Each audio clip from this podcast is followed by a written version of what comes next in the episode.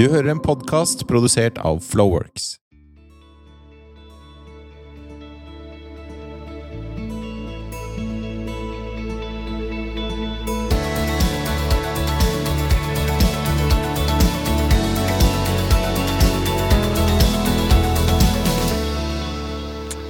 Yes, da er vi i gang igjen med Tyritroll podcast episode fem. Ja! Hei, Ingrid. Hei. Er du gira i dag? Veldig. Vi har vår første gjest. Vi har vår første gjest her i dag. June Aikio Grimestad, velkommen. God, god dag, god dag. Hei, hei, dere. Ja, så hyggelig å ha deg her inne. Ja, det er kjempegøy. Kjempegøy er det. Så bra. Hvem skal introdusere Jude? Jeg kan jo prøve om jeg får det riktig, da, for du vet jo titler og sånne ting. For meg er det jo litt eh, vanskeligere. Men eh, jeg ser på lappen min her at du er klinisk sosionom og familieterapeut. Mm. Kan du fortelle litt sånn kort for de som eh, ikke er i feltet, hva, den, eh, hva det innebærer? Mm. Jeg er da eh, klinisk sosionom. Det betyr at jeg har er har mitt hovedfag er sosialt arbeid.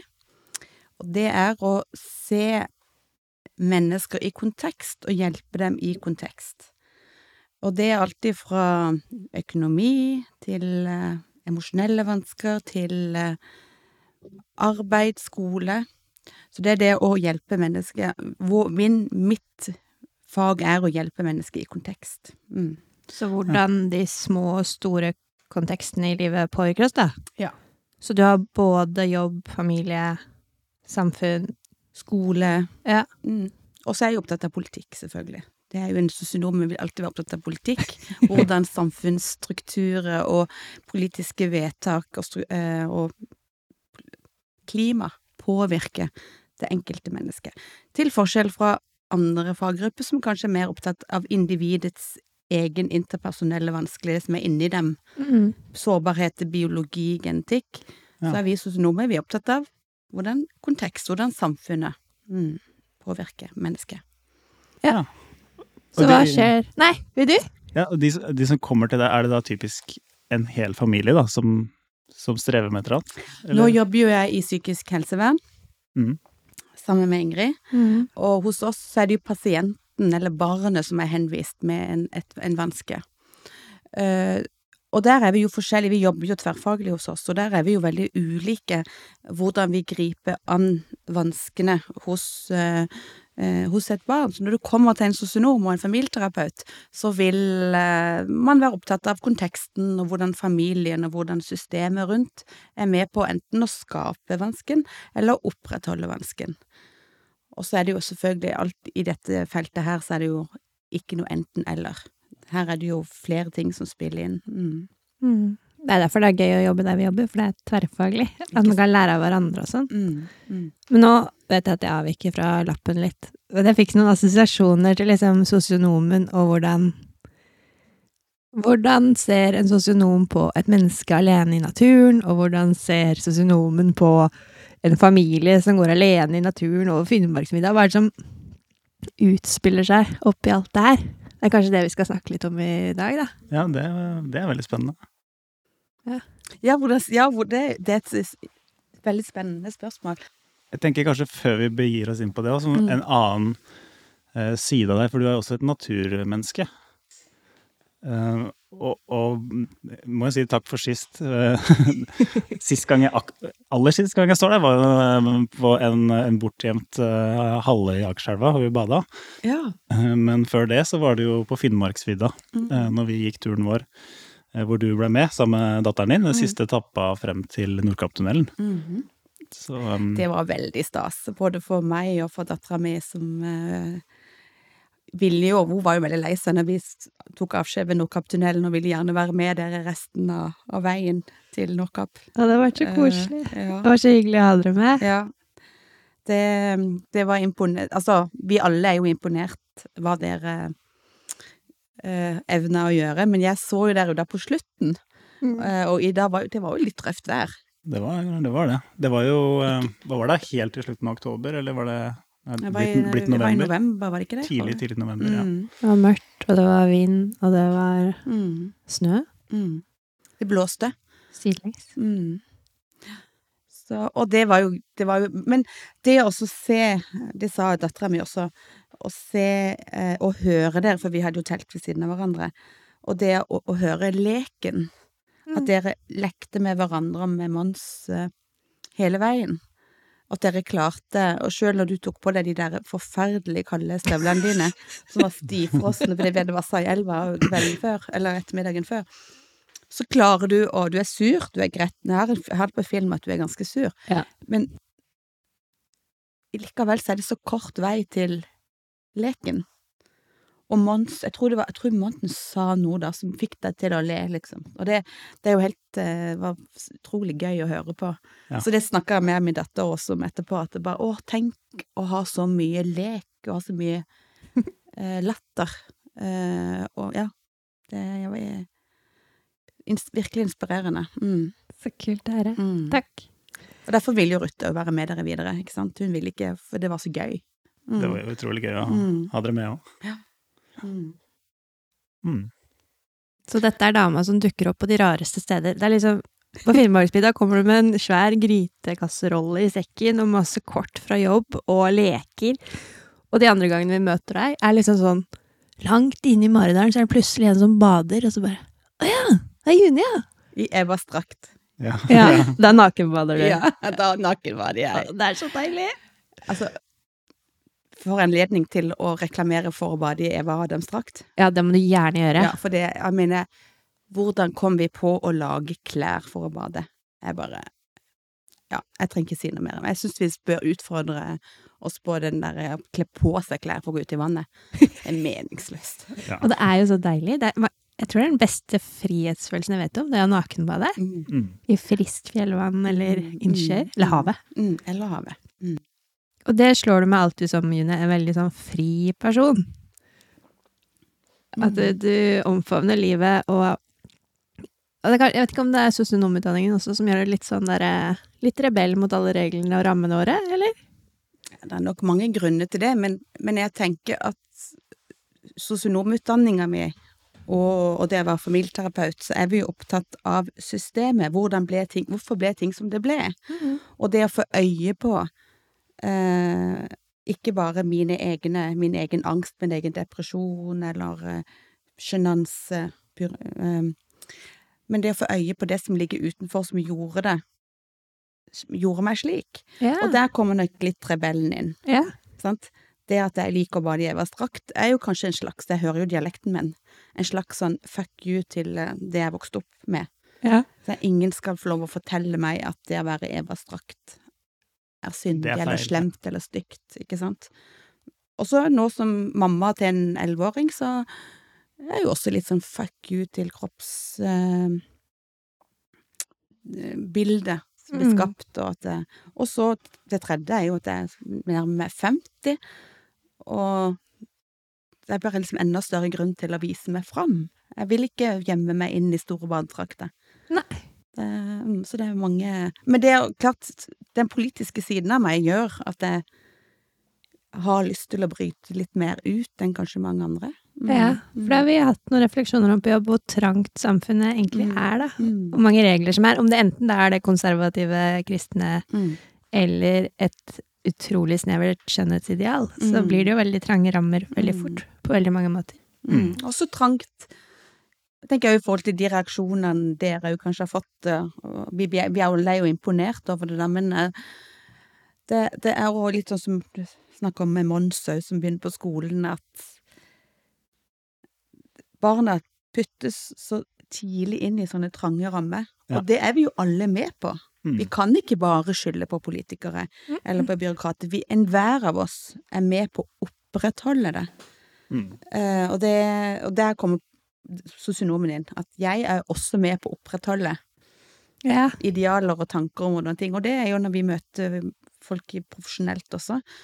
Det er jo å utfordre Når foreldre beskriver vanskene til et barn, så er det jo hele tida også å utfordre Men hva Hva er normalitet?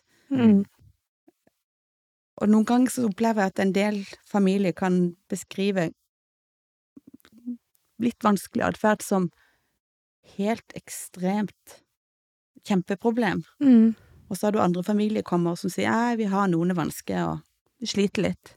Og så kommer du inn og så er det bare wow, åssen holder dere ut? Ikke sant? Og dette er jo helt Dere trenger mer støtte. Og det er jo familiekulturen, ikke sant? Hvordan, eh, hvordan ting uh, mm. Er det mye som handler om aksept for å vise følelser også i dette her? Ja. I hvert fall tenker litt på noe, akkurat i den situasjonen vi står i, da, hvor Mons akkurat har begynt på skolen, Mm. så er det veldig mye sterke følelser i han. Mm. Eh, og det varierer jo veldig hvor mye Eller hvordan det tas imot, da. Om det er greit, eller om, om man får kjeft, eller hva, hva Mm. som skjer, da. Mm. Mm. det, det som Det som er i um, Som vi har, Ingrid, du og jeg har snakka om flere ganger, det der med at følelser skal ikke fikses, de skal møtes. Og, og det tror jeg en, en, Jeg har en ganske sånn forvirring rundt det der med å, å møte følelser. Vi nordmenn, eller? Ja, kanskje Eller vestlige. Jeg vet ikke. Jeg kan ikke nok om verdenskulturen til å vite om eh, Men jeg tror eh, Hakuna Matata så jeg tror, jeg tror det er flere kulturer som er flinkere til å bare ta det som det er, Ja. enn det vi er, uten at jeg skal gå inn i noen uh, vidløftige antropologiske refleksjoner rundt, rundt det. Men jeg vet i hvert fall en del om Vesten og hva vi står i. Mm. Og jeg tenker det at vi har kommet så langt som vi har gjort, sant? du er jo sivilingeniør, og vi har jo oppnådd de største ting her i verden. Nå s- Ny månelanding Altså, vi har fiksa så mye. Vi fikser, vi fikser, vi ordner. Og det, det frontallappen vår, altså den evnen til å løse problemet, har jo bare brakt oss til uendelige steder som ikke vi ante. Og så kommer disse følelsene. Og så bruker vi det samme repertoaret der Ja. også at det skal fikses. Evnen til å fikse det. Skal fikse det. Mm. Og det kan det ikke. Ja, for hva skjer da hvis vi prøver å fikse alle følelser? Jeg tror vi påfører oss selv skam, fortvilelse, depresjon, fordi det er fryktelig mye som ikke kan løses, og det er som Mon står i nå med skolestart. Mm. Selvfølgelig, dere kan ta han ut av skolen, uh, men følelser må f- først og fremst møtes, og så tenker jeg det å få flere ord på de. Ja. Det er ikke rart at du ikke vil på skolen, det er jo så kjedelig å sitte stille. Mm. Og da er det en del foreldre som sier, ja, men jeg kan jo ikke si det. Da får han jo grunn til å være hjemme, da. Ja. Nei, du bare gir han begrepet på hvorfor han hater å være på skolen. Mm. Du, du skal ikke løse det, du skal bare gi han begrep og gi han ord. Mm. Mm. Jeg vet ikke om det, om det ga mening. Jo, absolutt. Eh, Det er noe med å validere at du har rett til å være ikke ha lyst. Det, Mm. den, det er jo noe helt annet enn å si at du skal få lov til å være hjemme. Mm, mm, mm. Og så tror jeg barn trenger, jeg tror vi overvurderer barn. De trenger mange, flere begreper på det å ikke ha lyst til å gå på skolen. Ja. Jeg tror de trenger mange, at det er ulike årsaker. Mm. Sånn, I dag er du, det er jo ikke rart at ikke du har lyst til å gå på skolen, for du har det jo så gøy med barne-TV, Mm. og du har så lyst til å se mer barne-TV. Andre gang kan det være ikke sitte stille. Så det kan være så, sånt. Og der må vi hjelpe barna til å utvide. Mm. Um, jeg opplever at en del familier, og meg sjøl inkludert, vi, vi stopper litt opp og, og setter ja, for eksempel sliten, da. Veldig mange barn som er slitne. Ja, ja, du er sliten, du. Det, sant? Men jeg tror vi trenger å pakke ut Ja, hva Hjelp. betyr sliten? Eh, I dag? I Eller dag. akkurat nå? akkurat nå, Ja. og da må du gjette. Ja. For jeg, har, jeg kan ikke se hva som skjer på innsida. Og barnet vet Barnet har ikke, Bons har ikke peiling. Nei. Han er helt ny i verden. Mm. Ja. Han, han trenger at du gjetter, og da trenger jo du som voksen, eller vi som voksne, trenger også flere ord Ja. for hva vi tror som skjer inni barnet. Ja. Gjette. Jeg, jeg, jeg, kaller det for gjetting. Kan det være sånn at du egentlig ikke har lyst til å sitte stille på Mm. skolen, at derfor er det litt kjedelig? Mm. Eller vet du hva jeg tror? Jeg tror kanskje du har lyst til å se på barne-TV, er det derfor ikke du vil på skolen? Ja. Sant? Det er forskjellig hele tiden. Vi må, vi må hjelpe å, Mm. å, å gjette. Ja, jeg har sett noen ganger at Ingrid har gjort det der, og når hun først gjetter riktig, så er det så tydelig at hun liksom har truffet noe, en nerve, Mm. eller Mm. Da vet barna at det stemmer, da. Mm, Men de kommer mm. kanskje ikke fram til det. på egen hånd. Og, og de gangene du bommer, for det gjør du ofte, Ja. da er det jo å si vet du at dette her er kjempekomplisert. Mm. Jeg vet ikke, jeg skjønner ikke helt selv. Du mister ikke foreldreautoritet, eller hvis du sier For det er jo, det er jo sannheten om livet. Det er forferdelig komplisert. Og det å kunne si det Noen ganger så stopper de opp òg, at ikke vi kommer videre. Men de gangene man klarer dette riktig, da, hvis jeg liksom finner ut at ok, i dag lykke på skolen fordi du er trøtt, Mm, og så treffer jeg på trøtt, mm. men da skal han ikke bli hjemme og sove. Det er ikke det som er svaret. For det er vel også en grøft man kan gå i som forelder, at man tilrettelegger for mye, eller prøver å fikse det, som du sier, da. Ja, og, sant? og da blir jo dette en ekstra vanskelig dag for deg. Mm. Når du skal på skolen og være trøtt. Fy søren, dette blir en tøff dag for deg. Ja. Mm. Hva tenker du at vi kan gjøre i ettermiddag når du kommer hjem? For at det, dette blir jo veldig rart. Dette, da må du finne fram alle kreftene dine. Ja. Så da kommer du med løsning, ikke sant? Og så er det jo noen ganger at det har skjedd noe øh, forferdelig som gjør at du må være hjemme. Så tenker jeg det er jo også et Det må jo også være på, på lista Mm. over Ja. løsninger. Eh, men, men det er jo hele tida tenke å tenke kreativ, ny løsning, og ikke hele tida servere den samme løsninga. Og det er jo dette med For meg som familieterapeut er jo opptatt av dette med å Systemet, altså det at man hele tida gjør forskjellige ting, at ikke man går i samme mønster. Ja. For når, kan man, for når man går i Når man gjør mer av det samme, så går man litt i loopen i familien. ja. Så det å hoppe litt ut og plutselig komme med en litt sånn annen løsning eller en overraskende Så for eksempel for min del, da, som har vært ganske veldig streng med mitt barn, Ja. at jeg da av og til kunne si 'Vet du hva, i dag blir du hjemme fra skolen. Jeg ser at du er sliten'. ja, hvordan var det for uh... Nei, da Det var jo helt Faktisk den gangen jeg gjorde det, så sa hun 'Nei, mamma, jeg er ikke så trøtt. Jeg kan gå på skolen'. Så jeg bare så, så det at det Ja, det mm, Ja, for den derre Jeg tror alle vi Alle mennesker, egentlig, har liksom et sånn grunnleggende behov for å bli forstått. Da. Og når vi først blir forstått, eller forstår oss selv, så er det så mye lettere å finne en løsning som passer. mm. Um, Men jeg tror, jeg tror Det er veldig van... Det å komme Foreldre Fram til barnet er tre-fire, Mm. Så kom, server vi jo løsninger til barnet. mm, Hele tiden, ikke sant? Ja. Mat, ny bleie, ikke sant, hele tiden. Så, så det er jo den derre skiftet når de er tre-fire, at vi da må begynne å mer mm, overlate til ikke alltid komme med å serve en løsning. mm, Og det ser jeg når vi driver og har kurs på jobben og har foreldre som kommer på kurs og sånn, så Så har de det van, Barna blir jo rasende når, forel- når du sier 'Å, fy søren, nå er du trøtt'. Oh, ja. 'Dette er en vanskelig dag for deg'. Og da står jo barnet sånn 'Ja, og what, hva skal du gjøre med det?' ja. De venter på å få De en venter jo en på en løsning. Ja. Så det å komme ut av den loopen, det er ikke lett. For barn, for barn for, har jo også en forventning til at vi skal fikse, Vi er jo superhelter i en Vi liten er periode av livet der. ikke sant? Ja. Så, hvis vi, så det er jo eh, Så det er jo også noe man som familieterapeut er opptatt av å tematisere det.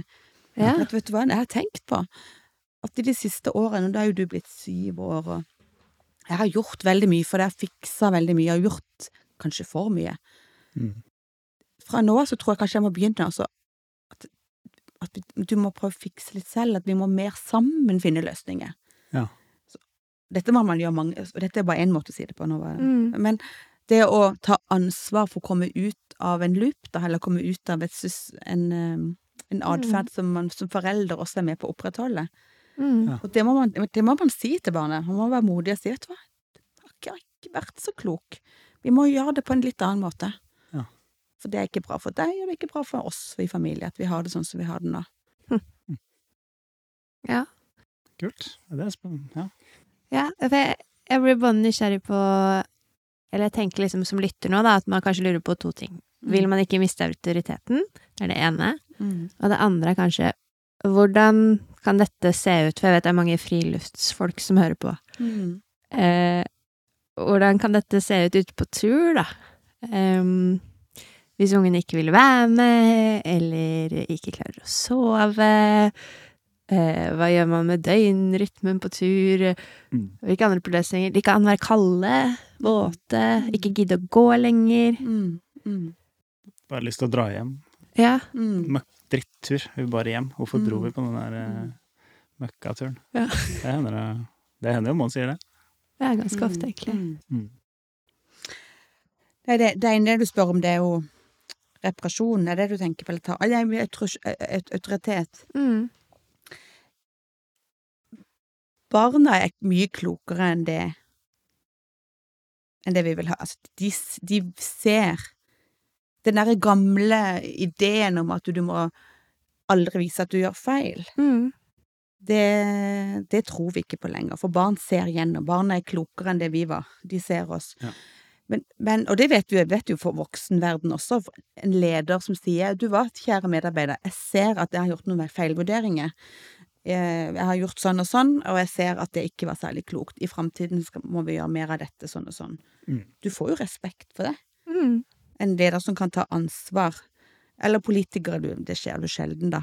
Eh, Men, Det er sant. men, eh, men jeg tenker jo det er noe av det. Jeg skulle jeg drive med veiledning av politikere, så ville jeg hjulpe dem til å, å innrømme mer at nei, jeg var ikke helt klok der, jeg ser at jeg gjorde feil. Men det kan vi også gjøre overfor barn. Ja. Men klart, det er jo ikke, det er jo ikke lange avhandlinger. Det er jo bare for eksempel det med tur, da. Mm. Jeg ser nå at denne turen kanskje ble litt for lang. Og jeg Ja. hadde ikke skjønt at eh, været skulle bli, at det skulle bli så kaldt. Nei. Dette blir tøft. Mm. Punktum. Og ikke snu, og ikke strikke nye ny vest på stedet, eller Det vet jeg, det kommer jo helt an på. Er det alternativ å snu, så eh, kan man jo gjøre det. Ja. Eh, men det vil jo være forskjellig. Noen ganger er ikke det mulig. Noen ganger er det lengre den ene veien enn den andre veien. Sånn at eh, Ja. Og andre ganger så vil du faktisk lære barna Jeg tenker jo friluftsfolk vil jo lære barna at vi står i det. Står i det. Ja. Men det å gi anerkjennelsen på, eller si, ta ansvar for at ja, her har jeg gjort noen feilvurderinger, det var ikke så klokt. Eh, dette, dette blir en tøff helg. Vi blir våte, og du blir kald, og, Det er dritt. Mm. Mm? Ja, det er noe dritt. og det er vanskelig. Ja. Punktum. Man, man trenger ikke eh, komme med masse sånne argumentasjoner hvorfor og bla, bla, bla, eller pappa sin feil, eller eh, Nei. Yr har eh, lurt meg, eller Det er bare helt enkelt. Ja. Mm. Mm. Jeg tror ikke man mister autoriteten av det. Jeg tror ikke på det. Nei. Eh, Det, det er en, en, en, fra en svunden tid der jeg tenker vi i dag men, men klart, hvordan du sier det Hvis du blir sånn sånn som en del mødre blir 'Å, gutten min. Ja. Uff, dette ble veldig dumt. Mamma tok feil. Uff a meg, dette ble f-» Sant?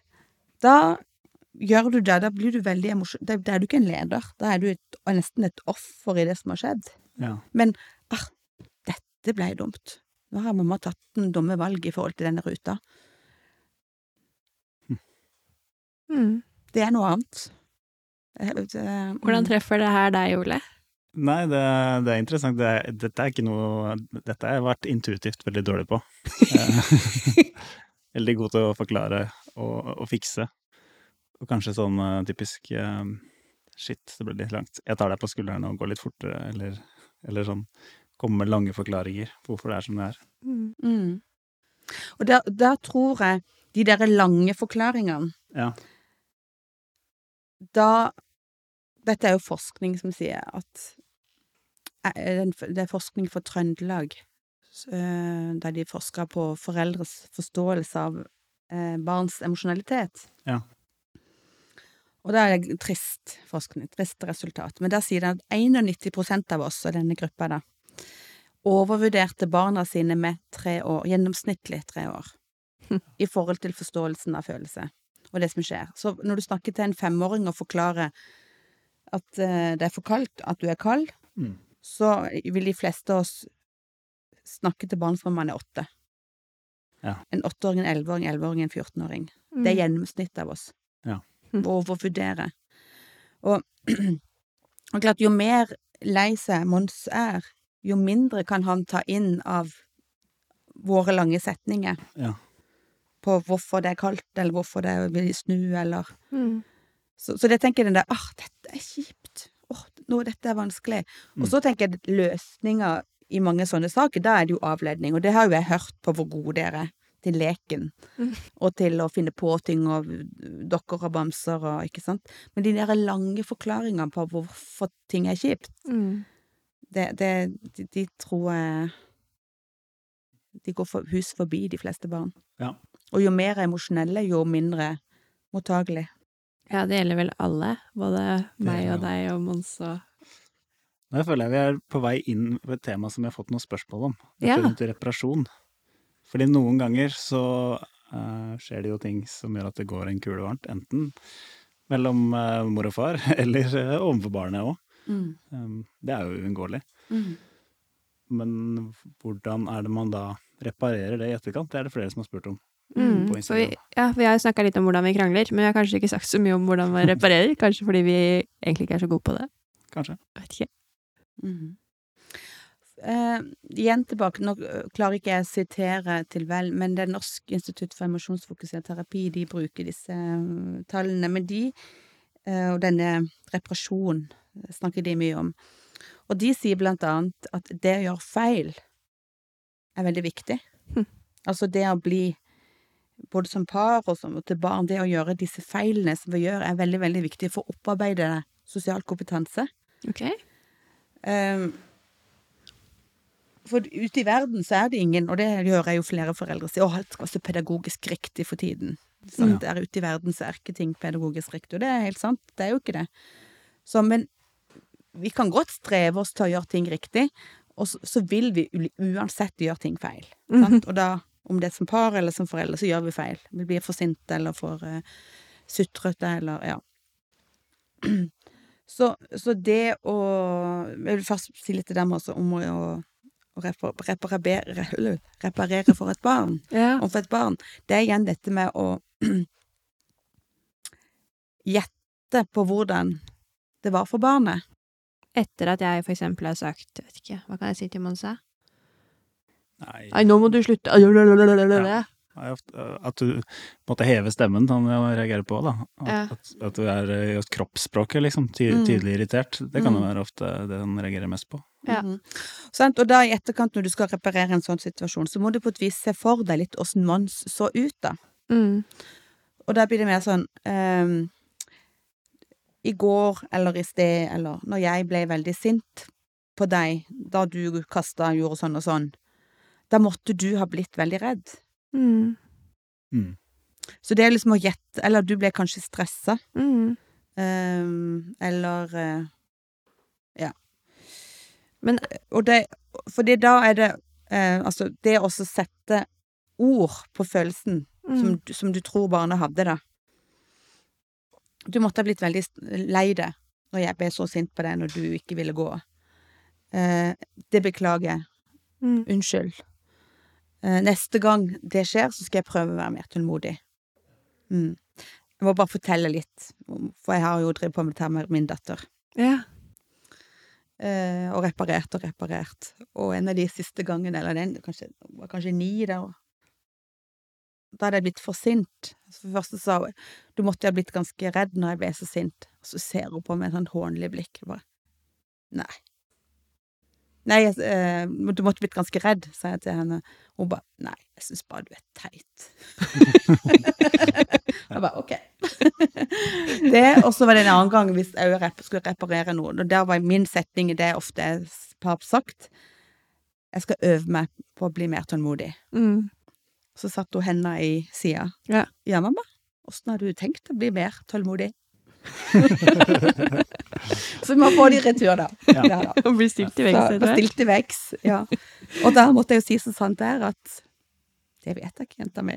Jeg har ikke helt oppskriften ennå, men eh, Driver og øver. ja. Alle mann. Mm.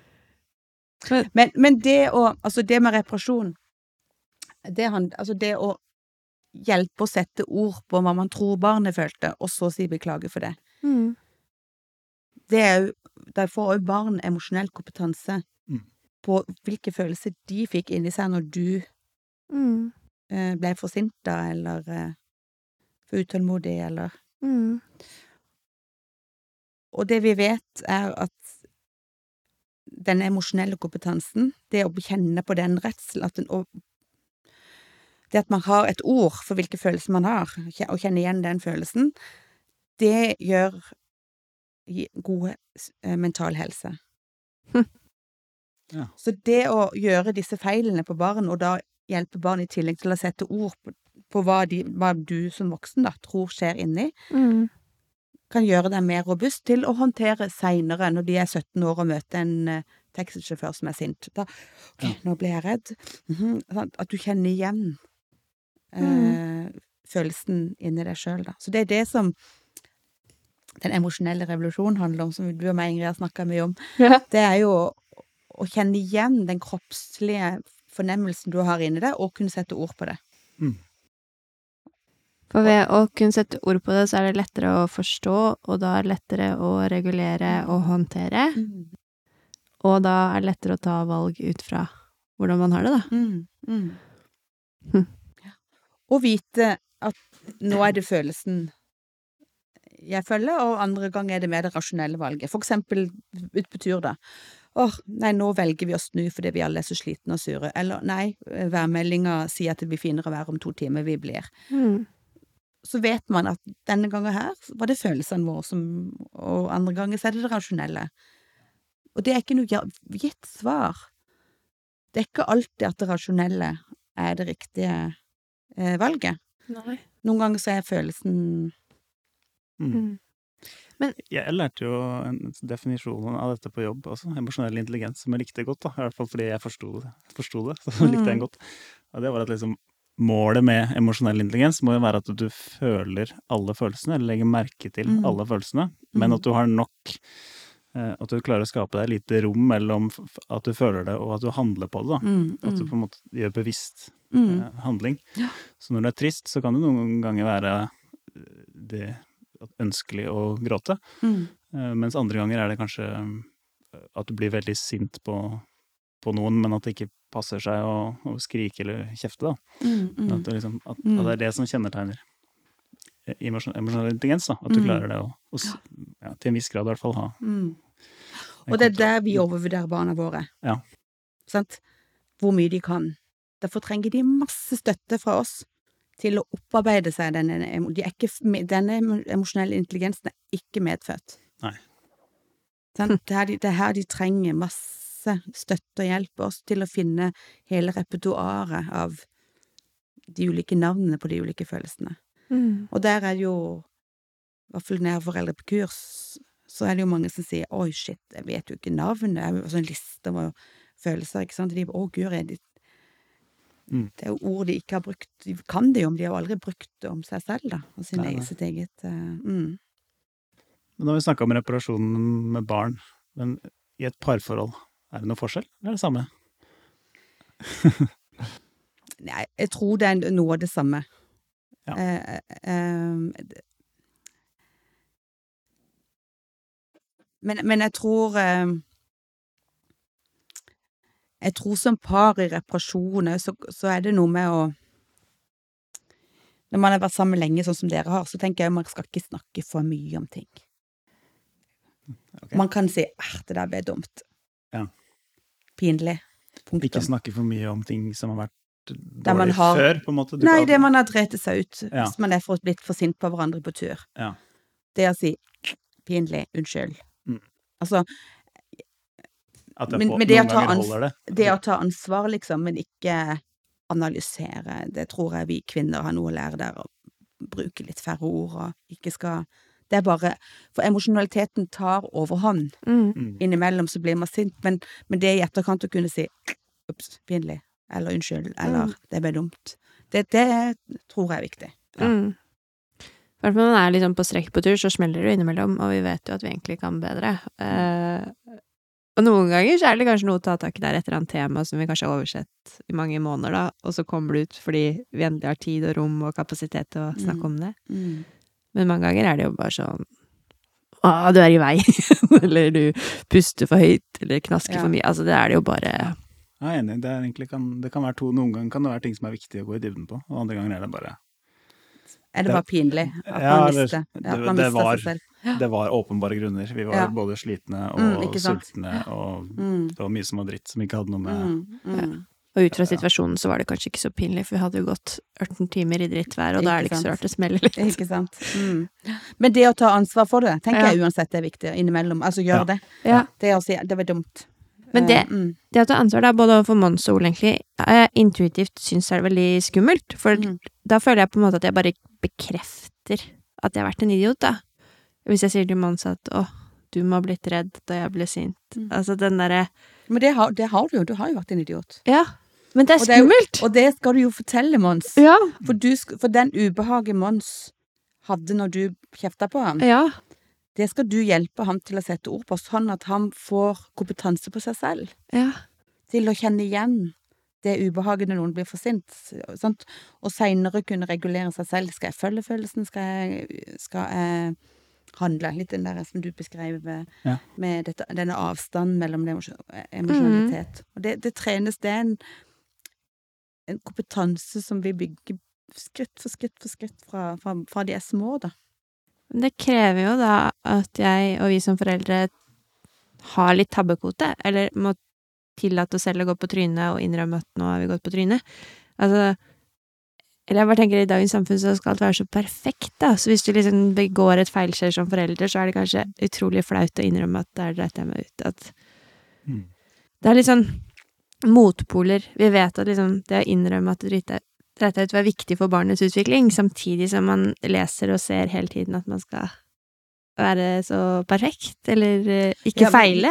Jeg leser jo det familieterapeuter og psykologer og sånn sier, og hvis du hører etter, så sier ikke de at du skal være perfekt. Nei. Nei, eh, det er noen andre som sier. Det er Ja. ikke vi i fagfeltet. Nei, det er mer samfunnet, tenker jeg. Eller ja, sånn eller, eh, Eller sosiale når- medier. Ja, eller forskningsartikler som blir oppsummert i en nettavis, kan jo fort skulle bli, lese ingressen, kanskje. ja, bli lagt frem for Ja. litt feil, eller ja. Jeg er ikke men, men altså Det er vel noe av det vi sier når vi møter familie og foreldre, at det er helt innafor å gjøre feil. Ja, hvor mye da? Ja, det, vi har jo den, eh, den der eh, Lenne. Den eh, Denne her koden er en tredjedel Hjelp meg nå, Ingrid. Det er John Gottman som sier dette. Takk. Er det Mm. ikke det? Jo, det er Jo, John. Gottman. Mm.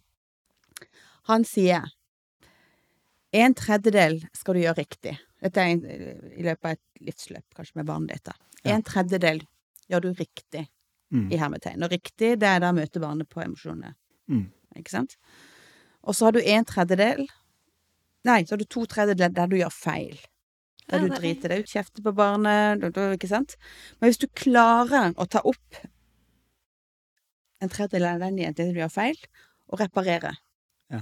Og så har du en bit, siste bit igjen, Mm. som du gjør feil, og som du ikke vil ta over innover deg, ikke orker å ta innover deg, har ikke evne til å ta inn, ikke du ser, det er greit. Så en tredjedel riktig, en tredjedel feil, men som du reparerer på, og en tredjedel der du gjør feil, der du ikke tar det opp, der du ignorerer det, og For å bevare vårt skjøre selvbilde, og trenger ikke gjøre noe med det. Åh, det er deilig, da. Sånn at det er ikke Vi har, vi har mye å gå på.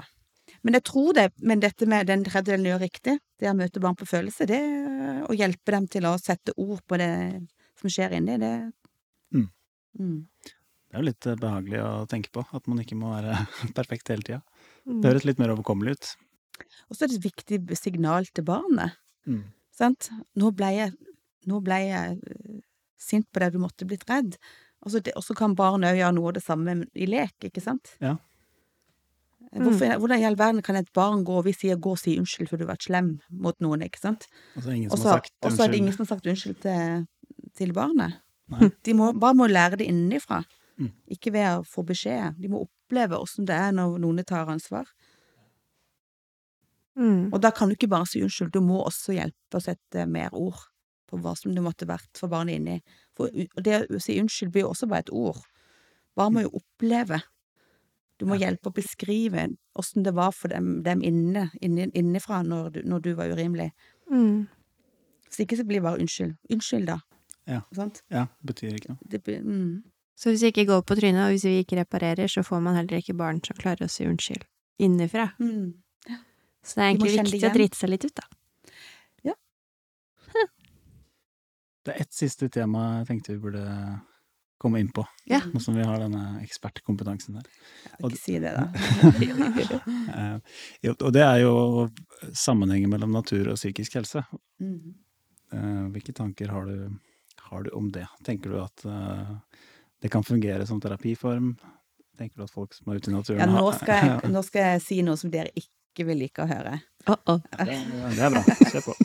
Jeg er jo som sagt et naturmenneske selv, og elsker å være i naturen, og tenker jo at der finner man eh, mye ro. Men jeg har også hatt perioder i livet der jeg har strevd mye, og dette har jeg også snakka med både med pasienter og med, med bekjente, at på noen når du er noen steder i i livet og du har det vanskelig, så er det ikke gitt at naturen er et sted der du finner hvile. Mm. Fordi stillheten kan bli for høy i forhold til indre uro. Sånn at det, Og det blir litt sånn som yoga har jo blitt litt sånn. Gå og ta yoga, det er bra for psykisk helse. Ja. Eh, gå til naturen for psykisk helse. Men det fins igjen dette med min kritiske stemme da, til sånne løsninger som passer for alle, for det gjør det ikke. Nei. Men jeg tror at eh, kanskje de som har det vanskeligst, det er å være i naturen, men det er å være sammen med noen, Ja. så ikke det blir for stille. Ja. Eh, det, det tror jeg. Så, så Men At man kan bli litt overvelda. Hvis man, går, hvis man har det skikkelig, skikkelig tungt, da, en depresjon eller mye angst eller noe, og går ut alene. det blir for mye, ikke Ja. sant? Det blir for stor avstand Mm. eh, ifra den indre uroen du har inni, og den ytre stillheten. At en del trenger ytre forstyrrelse, da, for ikke at de indre tankene skal ta helt over det. Mm. At det er litt som å hoppe ut i et sort hull, på en måte. Ja. Stillheten blir for overveldende. Mm. Mm. Så, så jeg tenker at det fins ikke noe enkel Det er ikke noe enkel medisin i naturen heller. For noen er det det, og jeg tenker jo flere skulle jo prøve det. Og Mm. eh, jeg tenker jo spesielt det med barn, altså urolige barn. eh, trenger å klatre, trenger å kjenne på naturmaterialet. Eh, være i vann, kaste stein, sant? trær. Kjempeviktig. Men, men i forhold til voksen, voksenbefolkninga òg, så, så må vi ikke bli for banale i sånne råd. Bare gå ut i skauen, så ordner alt seg. Ja, liksom. litt sånn som yoga har vært det. Gå og ta yogatime, så blir du Det er mange som ikke håndterer yoga, fordi det er for stille, det er for vanskelig. Ja. Men det er jo ikke Det er noen i yogamiljøet som, som, som tør å si det, da, at Mm. nei, det er krevende eh, å skal være så stille med seg Mm. selv og sin egen kropp. Ja, for man vet, hvis man ikke har stoppet opp før, og plutselig stopper opp, og det er stille, Mm. så kan det jo komme veldig mye. Og det kan jo være litt skremmende, kanskje, eller Det blir for mye, ikke bare skremmende, men at du, du blir overvelda. mm. Mm, og da kan du bli dårligere av det, ikke sant? Mm. For jeg vet jo at noen kritiserer, eller jeg har også fått høre sånn Å, du kan ikke gå med musikk i naturen, for eksempel. Her, nå må du bare høre på lyden og stillheten og ta det inn over deg. Men det er ikke alle dager det er så lurt for meg, da. Nei, ikke sant? Hvis jeg har en skikkelig tung dag, så Mm. kan jeg bare grave meg mer Altså, jeg trenger et taktskifte. Jeg trenger Mm. kanskje litt sånn rockemusikk, eller litt lystige toner, eller et Edith Piaf, for å liksom bare Mm. skifte gir, eller Ja. Ja. Men du, du hører nesten ikke på musikk, du. Du må ha det veldig sånn der eh, stille og fredelig inni deg, eller? Ja, Bortsett fra når du blir Jeg- svindla og sånn. ja, ikke sant. Jeg veit ikke om det er en sammenligning med noe som jeg drev mye med før, var terrengsykling. Og da eh, Det føler jeg blir noe annet, for, for da har du veldig høyt tempo. Mm. Eh, Så det er jo ikke at det nødvendigvis er så mye lyd, men det er veldig det er veldig mye som skjer, da. Sånn Du må du, forholde deg. Mm. ja, så du rekker ikke å la tankene vandre på den måten. Det er, det er noe helt annet enn yoga, på en måte, for du må være konsentrert. da. Mm, mm, Så det kan jeg synes være deilig noen ganger. mm, mm. Hvis, det er, eh, hvis man har mye tankekjør, så gjøre et eller annet Mm. som du må følge med på. Det kan jo være spikking òg. Du kan jo ikke sitte helt i fjerne tanker og spikke, for da skjærer du deg i fingeren. Altså, altså, det kan være eh, Som meg er det kanskje mer det enn enn lyden, da. Men eh, Mm. det er kanskje litt inne på samme sporet. Mm. Ja, min favoritt er å hogge ved, da. Drive Ja. med ved. Det, det kan jeg gjøre når jeg har det vanskelig. Så kan jeg liksom være ute i stillheten, men jeg må gjøre noe, jeg produserer noe. Ja. Eller plukke bær òg. Ja. Eller, ja, det kan ofte være litt for stille hvis jeg, har det, hvis jeg er veldig urolig. Ja. For det vi snakker om nå, er å holde seg innafor eget toleransevindu, egentlig, da. Eller Mm. eh, ga det mening for en Eh, ingeniør òg? Ja, Nei. jeg, jeg tror det. Jeg tror det. At man ikke blir for toleransevindu- Ja, toleransevinduet er eh, individuelt, ikke sant, hva, hvor man er komfortabel, da. Så de som er helt i scenen, kan ligge i eh, et sånn eh, hva heter det, sånn sensory deprivation room og ha det helt fint. Mens, mens de som har mye tankekjør, trenger kanskje et helt annet toleransevindu. Mm. Ja, eller at man må ta inn natur i passe dose, da. At ja, ja. På en dårlig dag. Stillheten. Ja. Mm. Og så er det som du sier, det trengs sykling eller eh, plukke bær, eller noen kan bare gå innover vidda. Det er forskjellig, hva med det? Eller sitte ved en foss. Mm. Kan kanskje være greit, der kan du gråte, for da hører du lyden av fossen. Ja. Mm. Men det å, det å aktivt forholde seg til at det er ikke gitt at stillheten i naturen passer meg akkurat nå, i forhold til hvor jeg er, i forhold til min mentale helse, Mm. det, det tenker jeg Det var et interessant poeng. Jeg lurer på hva neste gjest har å si om det. Ja, for det, det var med overlegg at dette kom til slutt, så temaet. Det er en fin segway til uh, neste episode. Skal vi få besøk av ei som heter Miriam. Ja. Som har en uh, Instagram-konto som heter Walk and Talk of Life. Hvor hun bruker naturen da, for uh, å ha vært veldig åpen om sine psykiske utfordringer knytta til PTSD, er det ikke det? Vi får vel mer detaljer om det i neste episode. Mm. Så det blir interessant. Da har vi jo mm, mye, mye å spørre om her. Litt ekstra mat å spørre om etter Mm. denne praten med June. Så jeg må jo si tusen takk for at du kom da, June. Dette var riktig gøy. Så kult. Kom. Hyggelig å ha deg her. Takk for at jeg fikk komme. Takk, takk.